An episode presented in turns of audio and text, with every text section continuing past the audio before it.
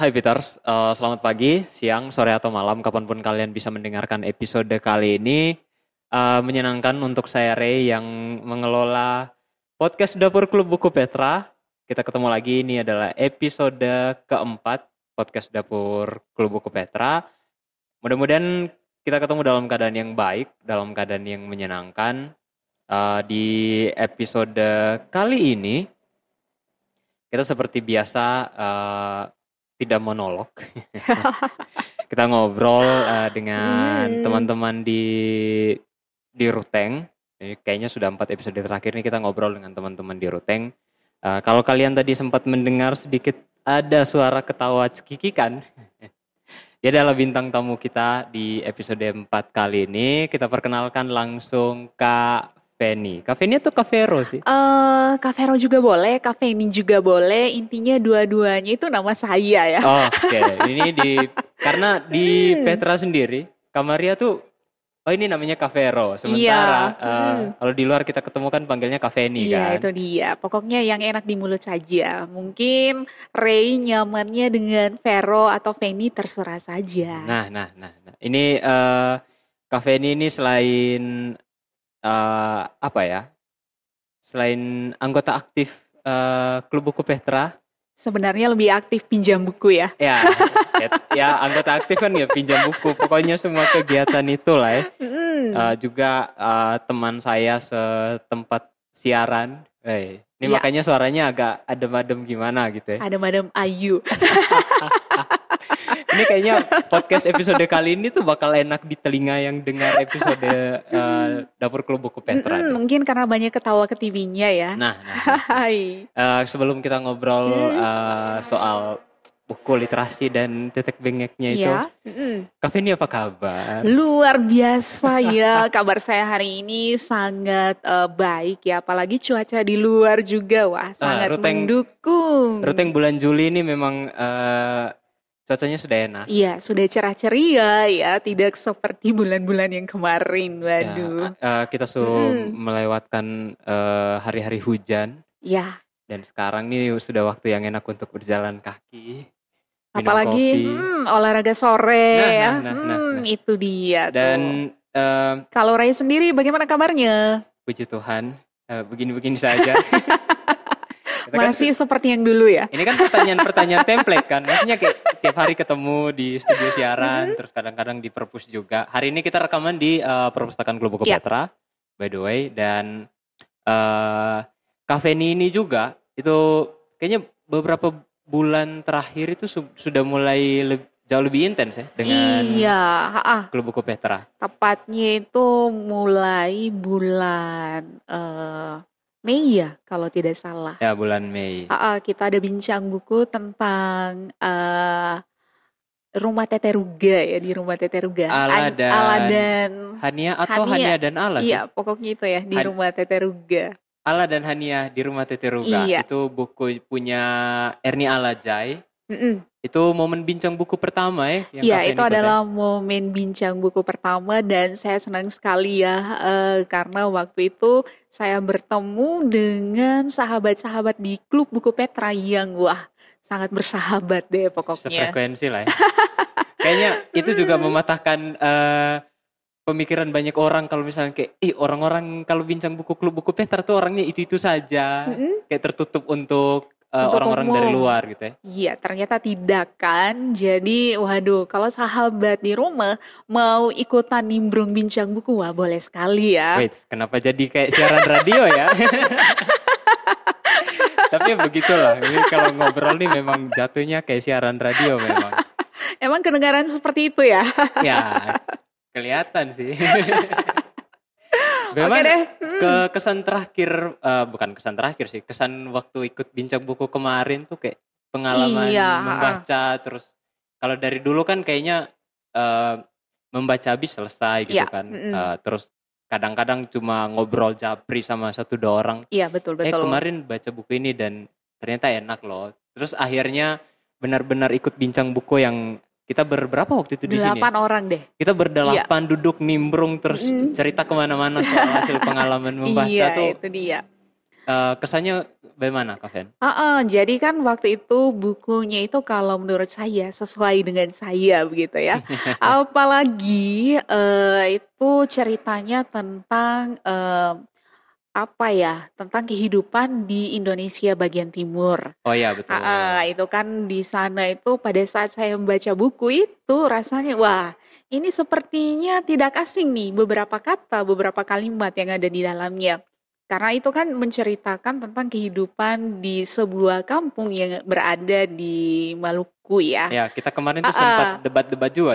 ini di Indonesia Timur ini di mana ya? Uh, di Papua karena uh, kondisinya memang sangat iya, Indonesia Timur sekali. Kondisi alamnya itu sangat uh, sesuai seperti yang pernah saya alami kebetulan seperti Selama itu di di Papua. Papua. Jadi e, begitu saya membaca beberapa kata di dalamnya, wah kayaknya ini sepertinya di Papua. Saya langsung menuju ke sana karena kehidupannya berkisar tentang eh, orang-orang yang setiap hari juga melewati sungai, mm -hmm. kemudian menggunakan perahu, menggunakan Johnson. Wah, Johnson, uh, itu kan saya pernah tumpangi juga. Jadi langsung saya berpikir bahwa Nah, ini nih keren sekali ya uh, ceritanya. Dan ketika bertemu dengan teman-teman lainnya, kita bincang buku ya, Ya, ya. pengetahuan saya juga semakin bertambah karena setiap pribadi pasti memberikan hasil pembacaan yang luar biasa ya. Ya, dan Kemudian ditambahkan dengan pengalaman-pengalaman lainnya, jadinya, betul, betul, betul, betul. hmm, jadinya wah kita sepertinya walaupun awalnya kan di Indonesia bagian timur, tapi akhirnya berkelana juga nih. Ya. Kita sampai cari tahu kan bagaimana asal cengkeh ya. Betul betul. yang seru kemarin tuh uh, apa? Ternyata ini memang salah satu yang bikin kayak senang kalau misalnya ada momen bincang buku. Iya iya. Semua orang tuh punya punya persepsi masing-masing Iya, gitu. Bahkan ha-ha. soal ini buku ini sebenarnya latar tempatnya di mana sih? itu Eh, dia. Kaven yang sudah pernah punya pengalaman berada di Papua, nanti kita Mhm. cerita juga Iya soal iya itu. iya, oke. eh, punya persepsi bahwa kayaknya Ala dan Hania nih memang terjadi di Papua gitu. Mm-mm. Terus eh Dokter Ronald bilang kayaknya bukan deh, ini kayaknya di Sulawesi Iya. deh. Terus kayak berdelapan orang kemarin tuh kita ribut tuh. Eh, ini sebenarnya di mana? Mm-mm. Karena pertama itu tadi gitu Iya. konteks tempat memang sangat Indonesia Timur sekali dan eh apa ya? eh perkiraan kita yang membaca dan ikut kemarin itu kayak berdasarkan kita punya pengalaman Iya, ya. itu dia ya. dan itu yang bikin seru. Heeh, gitu. bikin seru. Apalagi eh, kemarin itu kan tidak diberikan secara gamblang ya bahwa ini di Indonesia Timur Nah, daerah ini Ya, kan ya, hanya ya, dia ya. sebut saja eh, kampungnya itu. Kemudian kita sendiri yang coba untuk mencari tahu kira-kira ini ada di daerah mana. Hingga akhirnya ada yang langsung tahu kalau di Maluku ya, karena di dalamnya sudah ada kata-kata kayak eh, Sionona manis ya, Ya, yang dipantun-pantun itu kan. betul, Jadi betul, wah betul, betul. ini kalau sudah bilang nona, kalau ada kata beta ya, Ru- wah ah, ini pasti adanya di sana. Rumah Tete Ruga. Heeh, Terus- tete ya. Sampai hari ini tuh saya masih bingung. Hasil bincang buku kemarin kita tunggu lah kan. Eh, Notula bincang buku kayaknya belum rilis Oh di belum rilis ya. ini Mm-mm. kan di websitenya bacapetra.co. Mm-mm. Dan nanti Iya kayaknya betul. eh, Peters yang sedang mendengarkan ini juga kalau kamu eh, penasaran soal Mm-mm. hasil bincang buku kemarin betapa seru dan ke mana-mananya Heeh, isi itu kepala orang-orang yang datang. Nanti kamu bisa pantau eh, di www.bacapetra.co. Kayaknya bakal segera Oh ya bakal naik. segera mm, Kita terbit ya. kasih kita kasih bocoran saja. Itu dia. Karena Jadi hasil yang pembacaan terlalu panjang dan Mm, sangat ke mana-mana. itu dia ya. Pokoknya saya suka sekali ya. Mulai dari situ, wah ternyata asik nih ya. Bincang buku itu ternyata membuat saya mendapatkan pengalaman baru. Nah. Kemudian juga em, teman baru dan juga eh, pendapat-pendapat yang bervariasi. Ya betul betul betul. Mm, dan itu memperkaya pengetahuan saya hingga ketika membaca buku yang lainnya ya, Mhm. ada beberapa buku yang punya cerita, waduh ini kayaknya seperti yang diceritakan oleh si Kamaria deh misalnya. Nah, benar-benar. Begitu, jadi luar biasa sekali. Dan Makanya, akhirnya mm-mm. eh, ini ya, eh, jadi pengen ikut lagi. Gitu, iya pengen ikut buku. lagi gitu. Wah kayaknya Sudah seru. berapa momen bincang buku yang ikut? Ah, kalau yang secara langsung ya itu satu kali ya saya hadir. Sedangkan yang kedua bukunya saya baca, tetapi saya tidak sempat hadir ya. Cuman saya eh, mengirimkan hasil pembacaannya itu melalui WhatsApp Oh pada iya, betul. waktu itu. Kemarin tuh duduk di sini malam Ah. kan. Eh, pas semua udah habis, eh, waktu itu dibaca Kamaria deh kayaknya. Oh Iya, ini ada iya. hasil pembacaan nih dari dari Kaveni yang Mm-mm. sudah baca dan ikut kemarin. Eh, ya itu juga seru ya saya pikir. Itu kemarin ngobrol Iya. soal eh, Okta, makan makan siang Okta makan itu siang yang Okta, kemarin. eh, bukunya Nurul Hanafi. Itu buku kedua yang dibaca dan ya hitung ikut bincang buku lah ya Iya, karena iya. ada hasil Mm, pembacaan. Nah, itu buku kedua. buku ketiga Buku ketiga sebentar lagi nih. sebentar lagi eh ih tapi kasihan gara-gara pandemi Covid Iya, kan ya. lagi naik banyak. Mm-mm. Kita akhirnya harus mengalihkan bincang buku kali ini ke Zoom Cloud. Iya itu dia. Tapi tidak apa sih. Intinya kita em, sudah baca bukunya dan siap untuk berbagi. Nah, nah. eh menariknya adalah Kafe ini kan baru ikut dua kali bincang buku. iya iya. Bincang buku ketiga, beliau jadi pemantik diskusi. Itu waduh ini pemanti kerjaannya apa ya? Kompor-komporin doang ini kayaknya. Ini buku-buku nih, ini hasilnya kayak gini-gini. Eh, Makanya harus berguru sama Reini ya. Waduh. Eh, sayangnya saya juga masih anak magang sih. kalau Tapi kan sudah pemantik. punya pengalaman jadi pemantik ya. Eh, ya ya benar. Eh, waktu buku apa ya saya jadi pemantik. ya? Bukunya Faisal Odang Faisal kalau tidak Odang. salah. Tiba sebelum berangkat, Hmm.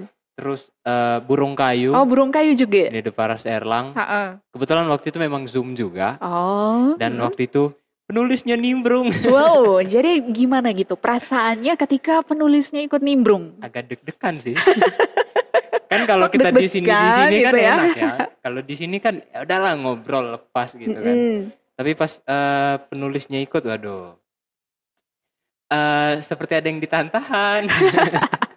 Padahal masih secara ini kan online kan? ya, tapi eh, yang bikin senang kalau pengalaman kemarin Ha-ha. karena penulisnya ikut, itu barang-barang yang bikin kita bingung. Itu bisa ditodong langsung ke Iya penulisnya. gitu. benar ya. Ini maksudnya apa? Mm-mm. Kenapa tidak ada catatan kaki Iya iya soal betul betul. ini barang Mm. gitu? Mudah-mudahan nanti yang dasa muka ini penulisnya bisa nih ya. Eh kalau dasa muka, Panik nggak? eh kalau saya pribadi tidak panik sih. Kalau ada penulisnya ikut nimbrung, wah saya senang sekali. Bahkan saya mau katakan keren sekali nih caranya memberikan sebuah pelajaran secara tidak langsung. Wih. Begitu. Oh ini ini kira-kira bocoran hasil hasil ini pas ya? Nih Waduh, kayaknya nih. ini gara-gara si Eno nih ya. kerjaku memancing memang luar biasa sekali. Jadinya terpancing juga diriku ini nih. Eh, Dasa Muka itu nanti bincang buku tinggal berapa hari lagi ya? Dua hari lagi. Dua Kan hari lagi. Sabtu kan, hari ini Kamis. Jumat, Sabtu. Oh, Ah, ah, tanggal Kita bincang buku. Tanggal 17, karena hari ini Tanggal 15. 17 Juli. Nah, Mm-mm. eh, podcast ini kan bakal naik 15 Juli. Hari ini kita take podcast, hari ini naik juga. Wow, luar biasa. Eh, untuk Peters yang kamu penasaran mau ikut bincang buku eh, bareng Klub Buku Petra, tanggal 17 nanti eh, akan ada bincang buku Dasa Muka. Waduh, saya lupa lagi penulisnya. Mana bukunya lupa dibawa lagi. Ada tidak sih bukunya? Eh, Penulisnya saya siapa sih, Kaven? Bawa Junaidi apa Effendi. ya? Ah bukan bukan. bukan. Junaidi Setiawan. Ah, ah, Setiono. salah, Setiono. Ah, Junaidi Setiono. Ya. Mohon maaf eh, Om, Bapak, Kak Junaidi Setiono. Saya lupa. Opa deh kayaknya. Itu akan ada eh, Dasa Muka. Iya. Dari Junaidi Setiono. Jam 7 ya kita mulai. jam ya? 7 sampai jam 9. Jam 7 sampai jam 9, catat tanggalnya, catat jadwalnya. eh, pantengin terus juga media sosial Klub Buku Petra supaya nanti kalau kamu mau ikut via Zoom uh, bisa langsung dapat linknya dan kita seru-seruan. Iya, itu dia. Yang bakal jadi pemantik adalah Kak diriku. Feni. Feni bakal jadi pemantik. Kita pasti bakal dibawa-bawa. Waduh, dibawa ke mana Mendayu-dayu ya? karena dibawa ke perasaan masa lalu nih. doh. Sade saya pribadi. Hmm. Itu soal dasar muka. Eh, kita tinggalkan eh, soal bincang buku karena ada banyak bahan nih yang kita bisa korek Mau dari korek apa? eh, Yo. Cafe ini. Cafe ini kan eh, pernah di Papua. Oh, Di Papua tuh berapa lama sih Cafe? Saya di Papua itu dua tahun, mulai tahun 2017 hingga Desember 2019. Ngapain di Papua? Kebetulan waktu itu saya lulus eh, seleksi guru penggerak daerah terpencil ya. Mhm. Itu kerjasama pemerintah daerah Kabupaten Mapi dengan Universitas Gajah Mada. Nah, ketika lulus ya, eh, kita punya kontrak 2 tahun dan saya langsung eh, menyambut hal tersebut dengan sangat bahagia ya. Wah, ini kesempatan untuk bisa berkelana ke Papua. Jadi, eh, itu adalah sesuatu yang sangat saya syukuri. Eh, di di Papua tuh persisnya di di mana Cafe? Eh, saya persisnya itu di Kampung Mopio, Distrik Fenaha, Kabupaten Ngapi, Provinsi Papua. Yang cuma saya tahu tuh cuma Mapi doang. yang lebih detail dari itu tuh buta sudah. Heeh, karena itu daerahnya itu sangat terpencil deh. Itu eh, dua tahun di situ, berarti Mm-mm. kerjanya mengajar. Ya, saya mengajar. Eh, ini dengar-dengar selain Mm-mm. kayak keseharian mengajar gitu, eh, selama dua tahun di sana juga menggerakkan apa ya anak-anak di sana atau mungkin orang-orang di sana gitu untuk apa ya bergerak di eh, dunia-dunia literasi tuh mengurus hal-hal soal buku gitu. Apa yang bisa dibagikan ke saya dan teman-teman yang dengar gitu? Oke deh, baik Eno dan Peter semuanya ya. Jadi eh, saya ceritakan ya pengalaman saya ya.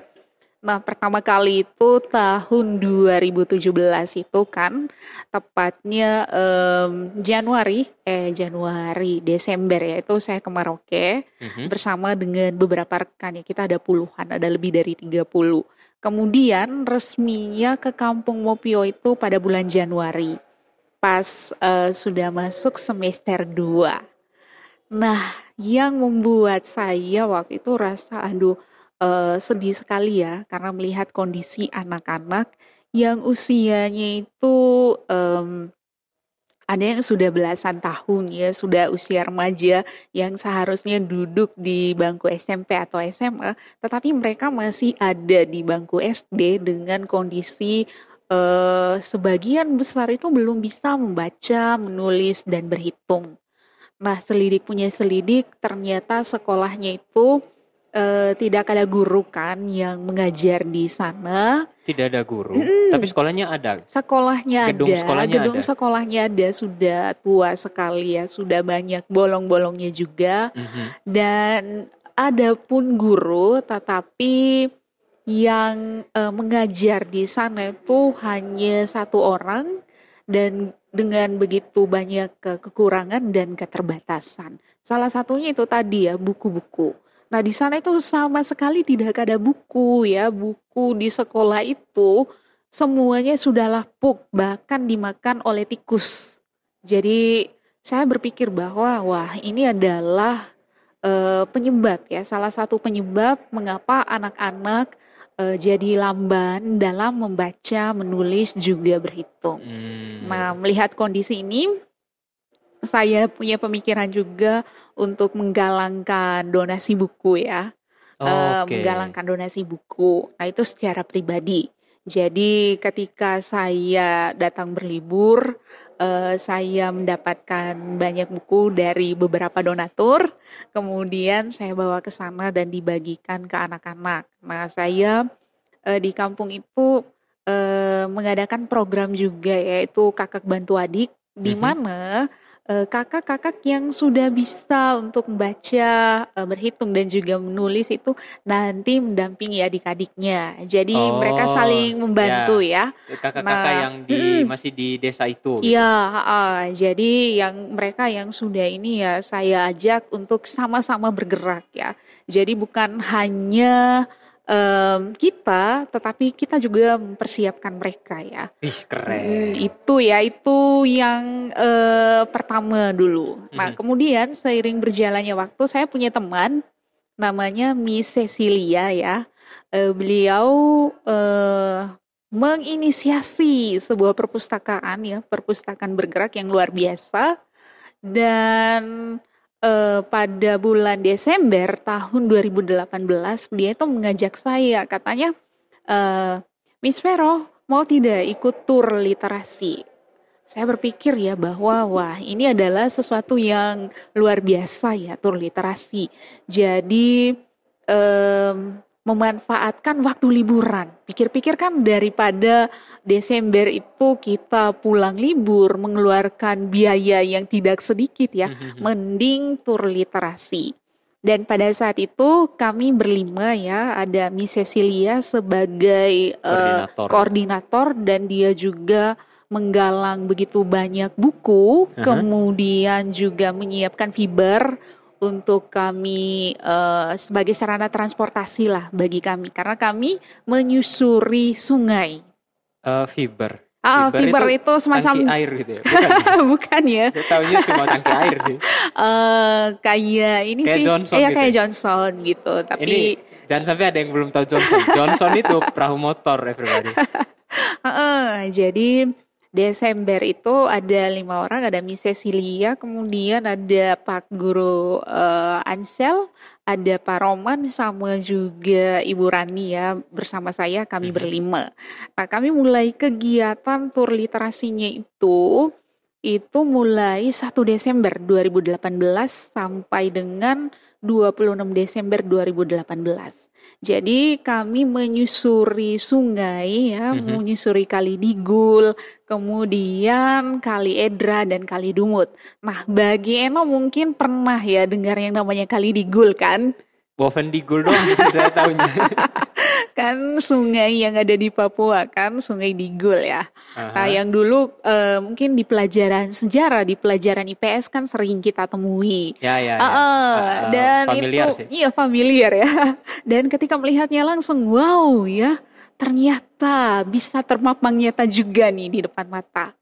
Jadi, kami berlima ya, mulai tanggal 1 itu kami naik fiber dan itu membawa banyak bahan. Kami bawa bahan makanan, kami bawa beras, kemudian kami bawa mie, kami bawa tikar, kami bawa perlengkapan banyak sekali selain buku-buku tentunya. Mhm. Jadi buku-buku juga ada beberapa dus ya yang kami bawa, karena tidak mungkin membawa semuanya pada waktu itu mengingat, eee, fibernya juga tidak terlalu besar. Oh ya. Mhm. Jadi, eee, mulailah perjalanan kami tanggal 1 Desember. Kami menuju yang pertama waktu itu kami menuju ke Kampung Muya. Nah, dari Muya kami menuju ke Kampung Sien.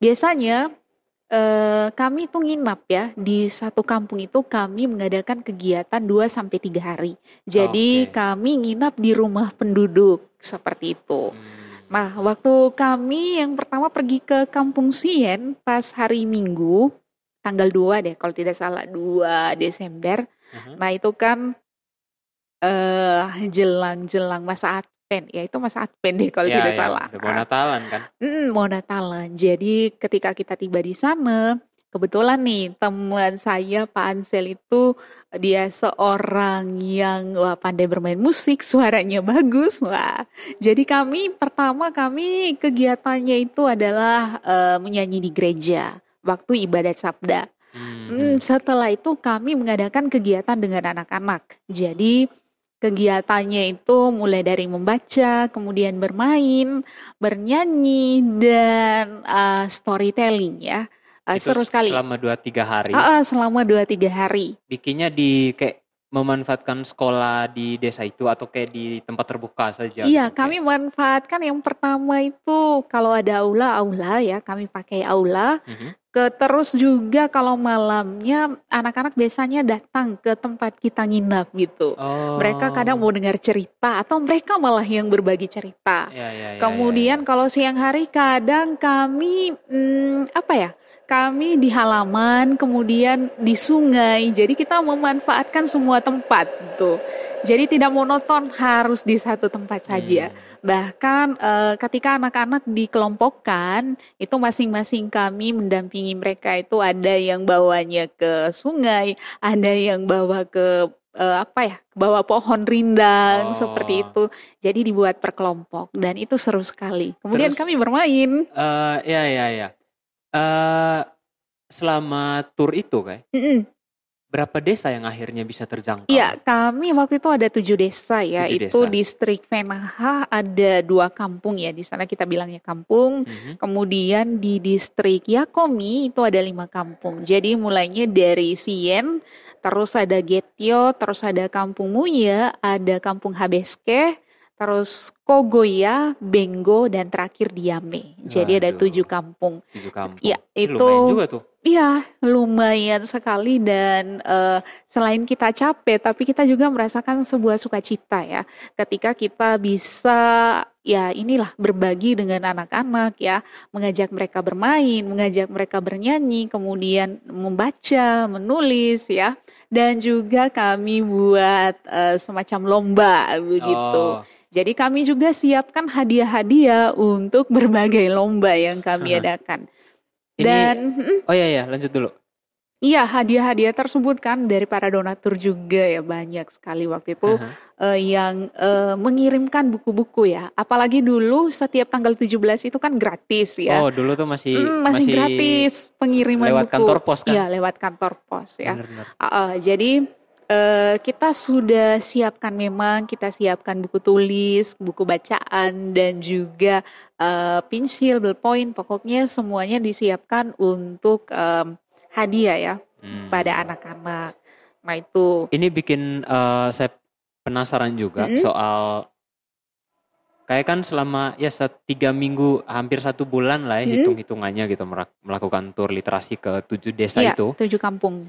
Eh, pasti kan ada ini kan eh, selama tur itu pasti ada pengamatan gitu ya Iya iya. Eh, di masing-masing desa tuh eh, yang ditemui ini terus eh, anak-anaknya punya tipikal seperti ini Ha, ha, ha. ada ada desa-desa pasti yang eh, pendidikannya misalnya jauh lebih memadai gitu ketimbang desa yang lain eh kayak menemukan masalah utama anak-anak di sana teman-teman kita di sana atau apa ya sistem pendidikan di sana gitu bagaimana cara mereka mengakses buku dan belajar itu seperti apa sih selama tur literasi gitu Iya, eh, jadi ya em, waktu itu kan sudah bulan Desember ya. Mhm. Itu sudah 11 bulan ya kami ada di Papua ya. Hmm. Karena eh, kami kan tersebar di desa-desa tersebut, di kampung-kampung tersebut.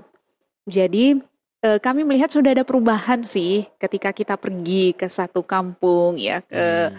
beberapa kampung. Jadi anak-anak itu eh, sudah ada perubahan yang bagus ya ketimbang sebelum-sebelumnya. Jadi karena mungkin ini teman-teman kan sudah sudah mengajar di sana sudah hampir satu tahun banyak hal yang diberikan ke anak-anak sehingga akhirnya ketika kita tiba ya ketika kita tiba eh, mereka menyambut kita dengan sangat antusias dan juga mental mereka semakin bagus ya. Tidak Hmm. lagi kayak malu-malu atau Ya. ini eh, berani kemudian diajak menyanyi ikut menyanyi. Bahkan mereka eh, berani untuk ke cerita ya. Mere- mereka kan terkenal dengan mobnya itu. Ya orang-orang timur tuh jago bercerita memang. Iya jadi biarpun mereka anak kecil itu rame begitu. Kalau misalnya kita minta oke siapa yang mau mob? begitu. Iya Hmm. itu masing-masing mereka berani untuk tampil. Nah itu tadi ya. Mungkin masalah yang dasar yang pertama tadi karena lokasi yang jauh ya. Ya. Bayangkan kalau misalnya eh, dari MAPI ya, dari MAPI kalau mau ke tempat saya misalnya ke Maupio, jadi dari MAPI itu naik kapal dulu, turunnya di Bade. Nah, dari Bade itu naik kapal lagi atau naik perahu itu baru menuju ke kampung. Dan di sana pada saat itu ya belum ada listrik, belum ada internet apalagi ya dan juga jaringan telepon. Sampai sekarang setahu KE masih begitu? Uh, sampai sekarang sudah ada perubahan ya. Puji Tuhan internet sudah masuk ya di uh, memang bukan di kampung-kampungnya, tetapi di ibu kota distrik. Tapi oh. itu setidaknya membuat uh, bapak dan ibu guru yang saat ini bertugas tidak usah jalan terlalu jauh lah ya. untuk mencari internet ya. Komunikasi jauh uh, lebih gampang lah ya. Komunikasi jauh lebih gampang. Kalau dulu kami lewat surat saja. Jadi benar-benar kembali ke zaman old begitu rasanya. Surat-surat yang kalau putus cinta kita tulis surat kita tulis suratnya hari Senin, dia menangisnya hari Kamis. Ya itu dia ya pakai surat ya. Dan ya e, kalau pakai surat begitu kan belum tentu juga tibanya cepat ya. E, pasti harus menunggu beberapa waktu lagi nih hingga kita terima suratnya. Tetapi yang menarik dari situ ya yang menarik ini ya no e, kami ini kan terdiri dari tiga perempuan dua laki-laki. Mm -hmm. Dan waktu kami dari Bade ya, itu startnya kita dari Bade. Nah, eh, kami punya driver. Pertamanya itu ada drivernya. Namun si driver ini baru di satu kampung ya, baru kami di satu kampung itu dia entah menghilang ke mana ya. Waduh. Ditinggal gitu. Ditinggal begitu ya. Jadi kita kewalahan mencari uh, seorang driver. Tetapi teman saya, Miss Cecilia ya, Ibu Cecilia ini wah orangnya sangat uh, gesit, sangat luar biasa. Dia belajar. Dia belajar membawa fiber itu, bayangkan ya. Wow, seorang gila, perempuan gila. itu. Dia belajar bawa fiber dan akhirnya uh, mulai kampung yang kedua sampai kampung yang ketujuh dia yang membawa fibernya. Ini orang-orang kayak gini tuh kalau kiamat tuh pasti selamat sih. orang yang punya survival skill bagus. Uh, tentunya ya Ray, uh, ketika kita mengadakan tour itu banyak sekali juga hambatannya, ada juga hal-hal uh, yang membuat kita Waduh, kayaknya capek juga ya. Pernah tidak diterima tidak sih kayak di satu kampung gitu? Eh, um, kamu ngapain datang gitu? Uh, sebelumnya itu kan, sebelum menuju ke kampung-kampung, sebelumnya kita sudah kirimkan surat ya, hmm. surat ke kepala kampung juga uh -huh. ke dewan gereja. Nah, kita sudah berikan surat pemberitahuan bahwa kami akan mengadakan kegiatan ya dengan jadwalnya terlampir begitu. Hmm. Hanya memang ada beberapa kampung yang waduh ini bagaimana ini ya uh, kita tidak punya rumah begini-begini ya banyak alasan tapi pada akhirnya uh, Tuhan kasih jalan ya karena mungkin ya kita punya keinginan yang uh, baik lah ya, ya, jadi ya. Ada yang memberikan rumah untuk tempat tinggal kami Kemudian akomodasi kami juga menyiapkan beras, ya kami bawa sendiri kan. Hmm, Tetapi masyarakat betul. di sana juga antusias, mereka bawakan sagu, kemudian bawakan uh, ikan kan banyak sekali ikan di sana. Ya. Terus daging ya. Jadi untuk lauk pauknya itu tidak tidak aman ya. kekurangan, ya. aman betul. Tidak ada uh, tidak mengenal in, uh, mie instan. Mau sebut produk tapi takut kelepasan. Uh, mie instan kami sediakan untuk jaga-jaga ya. Dan yang lucunya ketika suatu hari uh, apa ya sungainya kan surut ya airnya surut seperti mm -hmm. itu. Nah uh, anjing ya makan mie instan yang kami bawa yang kebetulan disimpan di fiber. Makan mentah. Iya makan nah, mentah, waduh. Anjing emang. ya memang anjing sih. ya gimana? Jadi waduh ini kita bawa ya ternyata dihabisin oleh anjing. Mulai dari situ kami lebih berhati-hati lagi untuk logistik kami. Jadi kita pikul ya, pikul, pikul buku, pikul tas, bayangkan. Kalau misalnya kampung yang dekat dengan pelabuhan, kita aman sih. Tapi kalau kampung yang jaraknya jauh dari pelabuhan, jadi waduh, kita masing-masing pikul ya. Ya, benar-benar. Hanya untung saja anak-anak ya pastinya membantu. Ya, pasti bantu lah. Pasti bantu uh, untuk uh, angkat barang-barang tersebut. Nah, uh, hmm ini juga buku kan turnya jalan terus. Iya, gitu kan. jalan terus, heeh, hampir satu bulan. Buku-buku dari donatur itu akhirnya dikemanakan? Maksudnya dibawa pulang kembali kah? Terus ada satu tempat gitu untuk menyimpan buku-buku itu dan atau ada buku-buku yang memang kita ke desa ini nanti ada yang ditinggal di sini gitu buat anak-anak. Itu Iya, gimana? ha-ha. jadi buku-buku tersebut ya kita sudah pilah-pilah ya. Ada buku yang memang ditinggalkan untuk anak-anak, ada buku yang kita bawa kembali ke eh, apa ya base campnya kita yang ada di Bade. Hmm. Nah di Bade ini kebetulan Miss Cecil eh, mengelola sebuah rumah ya di sana buku-buku yang datang dari para donatur itu ada di rumah yang ditempati oleh Miss Cecil dan eh, sekembalinya kami dari tur tersebut kami menyimpan lagi buku tersebut Hmm. di rumah itu. Kemudian di tur yang kedua yang waktu itu kami rencanakan juga tetapi karena ada beberapa halangan tur tersebut tidak terlaksanakan. Tetapi eh, buku-buku yang ada itu dipaketkan untuk dikirim ke kampung-kampung. Hmm. Jadi Eh, seperti itu. rumah base camp itu Mm-mm. yang sekarang eh, jadi tempat Miss Cecil meng- eh, mengelola buku dan segala macam. Iya. Itu masih aktif sampai sekarang. Eh, entah ya karena kebetulan selesai kontrak kami semua kembali ya. Oh, Eh, oke. mungkin yang terakhir kemarin buku-buku tersebut sudah dibagikan ke kampung-kampung Hmm. semuanya. Jadi sudah dipaketkan, dikirim ke sekolah-sekolah yang ada di beberapa kampung yang sebelumnya eh, belum pernah eh, kami kunjungi seperti itu. Oke. Eh, kontraknya selesai 2019. 2019 ya, syukur sebelum corona sudah ada di sini. Kalau tidak makin ini ya, makin ribet gitu cara pulangnya. Eh, eh, ribet sekali. Eh, 2019 pulang langsung ke Ruteng Langsung ke Ruteng ya. dan Mm. eh, mulai bulan berapa ya Kaven sudah mulai eh, aktif datang ke Perpus, Petra, Iya, pinjam dan ikut bincang buku. Waktu itu bulan kalau tidak salah bulan April deh. April Ah, ah, 2019. 2020. Oh, April Oh, ya? 2020 Berarti- baru eh, aktif ya. Kebetulan waktu itu lihat di flyer ya ada tulis ya mau pinjam buku boleh gratis begitu. nah, Saya penasaran gitu. saya belum di sini Ternyata tuh berarti belum, ya. belum kita belum kenalan. Ya, eh, saya baru masuk Oktober kan. Iya iya Oktober tuh iya. baru jadi pegawai Hmm. magang.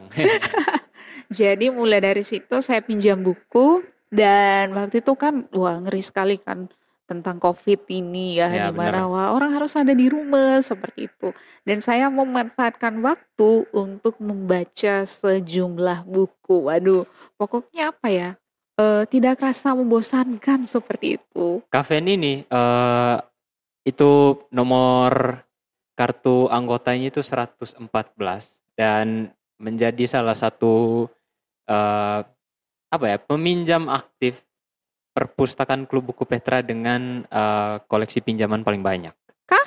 Serius. Oh. Itu ada ada 40 atau 50-an sekarang ya. Dan itu Banyak cukup ya. banyak gitu. Karena kayak ada yang sudah bertahun-tahun gitu tapi eh, Hmm? jarak waktu pinjamnya itu kan agak lama gitu kan. Hmm. Nah, Cafe ini sekali pinjam tuh 5-6 terus dibaca toto sebulan selesai. Ini orang nih tidak punya kerjaan atau memang baca Gitu bukunya ya. cepat gitu ya. Pengangguran ya kayak gitu. Jadi punya banyak waktu membaca. punya banyak waktu membaca dan kalau buku yang saya suka ya eh, seperti Andrea Hirata itu Hmm, kan di sini kan koleksinya banyak terus Ya, ya. ada Terelie kemudian Dewi Lestari ya.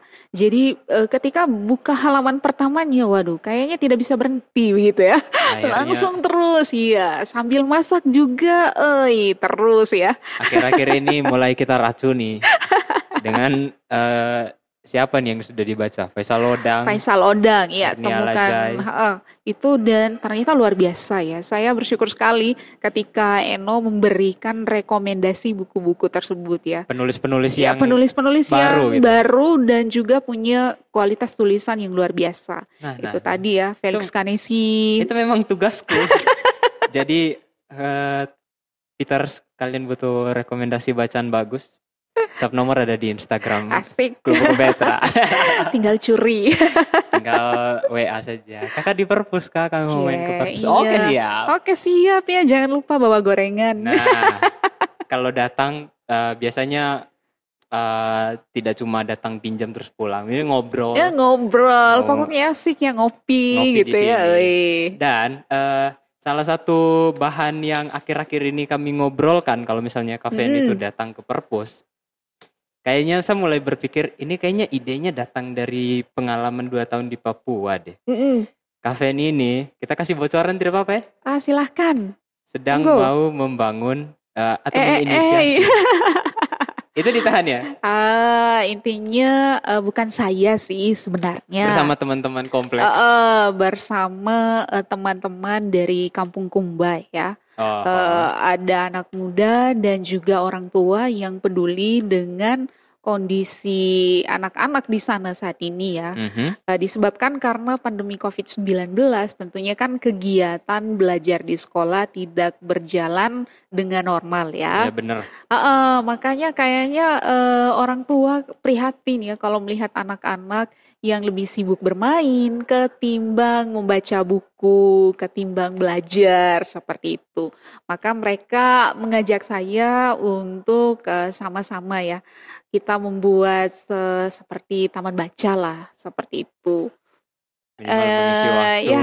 Mm, mm, eh, untuk teman-teman yang bergiat Ya, juga mm, mengisi waktu anak-anak yang kayaknya nama doang sih kalau di kita tuh embel-embel doang gitu. Ini sekolahnya dari rumah ya. Mm. jarang ada yang belajar sih. Ya itu Pengalaman dia. saya ada desa di bawah tuh kerjanya main mulu selama pandemi. Heeh, itu dia ya. Jadi em, ini juga masih kita sudah ada beberapa kali pertemuan ya. Mhm. Eh dan rencananya ya kalau tidak ada halangan masih dalam bu- bulan ini ya kita sudah buka lapak ya. Apa. Tapi itu tadi eh, masih kekurangan buku-buku bacaan. Waduh, jadi, mm, promo nih yuk, promo iya, yuk. jadi bagi Peters yang mungkin di rumah ya punya buku-buku bacaan khususnya untuk anak-anak ya, boleh dong disumbangkan ke kita ya yang ada di Kampung Kumba. Nanti bisa juga menghubungi Eno deh ya. Ya, bisa tuh, bisa saya bantu. Soalnya Eno nomornya bertebaran di mana-mana. Yoi. Iya, terus kalau teman-teman juga mau bergabung, misalnya mau dampingi anak-anak untuk eh, membaca, menulis dan berhitung, wah itu juga sesuatu yang sangat kami harapkan. Hmm. Itu dia. Dan eh, memang selama ini Kaven eh, sebelum kayak ada rencana-rencana ini mau Mm-mm. dibikin, itu memang sudah sering ini ya eh, apa ya namanya? Buka kelas mengajar gitu kah atau kayak Em, ajak anak-anak main ke rumah terus Iya, kalau dulu ya, dulu sebelum ke Papua, eh, saya masih di sini. em, saya pernah punya komunitas kecil ya. Awalnya itu dari anak-anak tetangga. Nah, ceritanya sore-sore saya melihat mereka bermain kan. Mhm. Terus saya ajak, ayo kita pilih sampah begitu. Awalnya dari kami pilih sampah, bersihkan lingkungan. Setelah itu, saya ajak mereka, saya tanya, eh kalian mau belajar tidak? Wah ternyata luar biasa ya, kami mau belajar miss gitu. Terus kalian mau belajar apa? Mau belajar bahasa Inggris ya? Aduh. Ya walaupun basic saya bukan bahasa Inggris, tapi pada waktu itu ya, untuk anak-anak saya eh, mencoba mengajar mereka bahasa Inggris lewat lagu, kemudian lewat permainan dan juga yang sederhana lah ya, yang intinya eh, bisa membuat mereka berkomunikasi seperti itu. Ya, contohnya saja menyebut nama benda-benda, Ya. nama hari ya, Dan kayaknya eh, seperti gerakan itu. ini nanti bakal dilanjutkan lagi ya. Mm-mm. Ya, mari kita berharap eh, mudah-mudahan eh, akan berjalan dengan baik. Amin, amin. mudah- eh, Peters juga kalau yang eh, misalnya tertarik dan kayak mau ikut nimbrung, ikut kayak eh, teman-teman ini bakal bikin apa di mana Ah. gitu kayak bisa eh, bisa ikutan, bisa ikut seru-seruan juga. Ah, Kalau mau membantu juga ya lebih baik Wah, lagi. ya luar gitu ya. biasa. Mm-mm. Itu dia.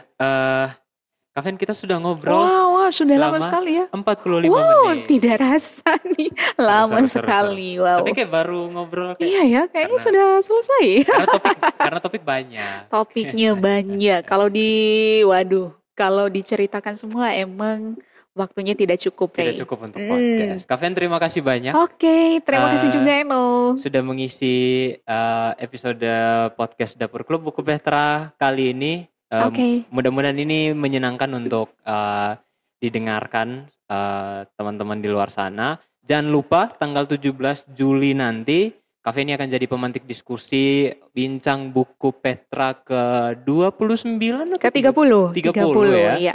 Kenapa lebih hafalnya ya daripada saya ya? Bincang buku ke-30 Klub Buku Petra eh, Junaidi Setiono dengan Dasa Muka. Nanti eh, pantau terus media sosial Klub Buku Petra. Terima kasih banyak sekali lagi. Ya, terima kasih juga Eno. Eh, terima kasih banyak juga untuk Peters yang sudah mendengarkan. Saya Ray. Dan saya Feni. Kami pamit undur diri. Terima kasih.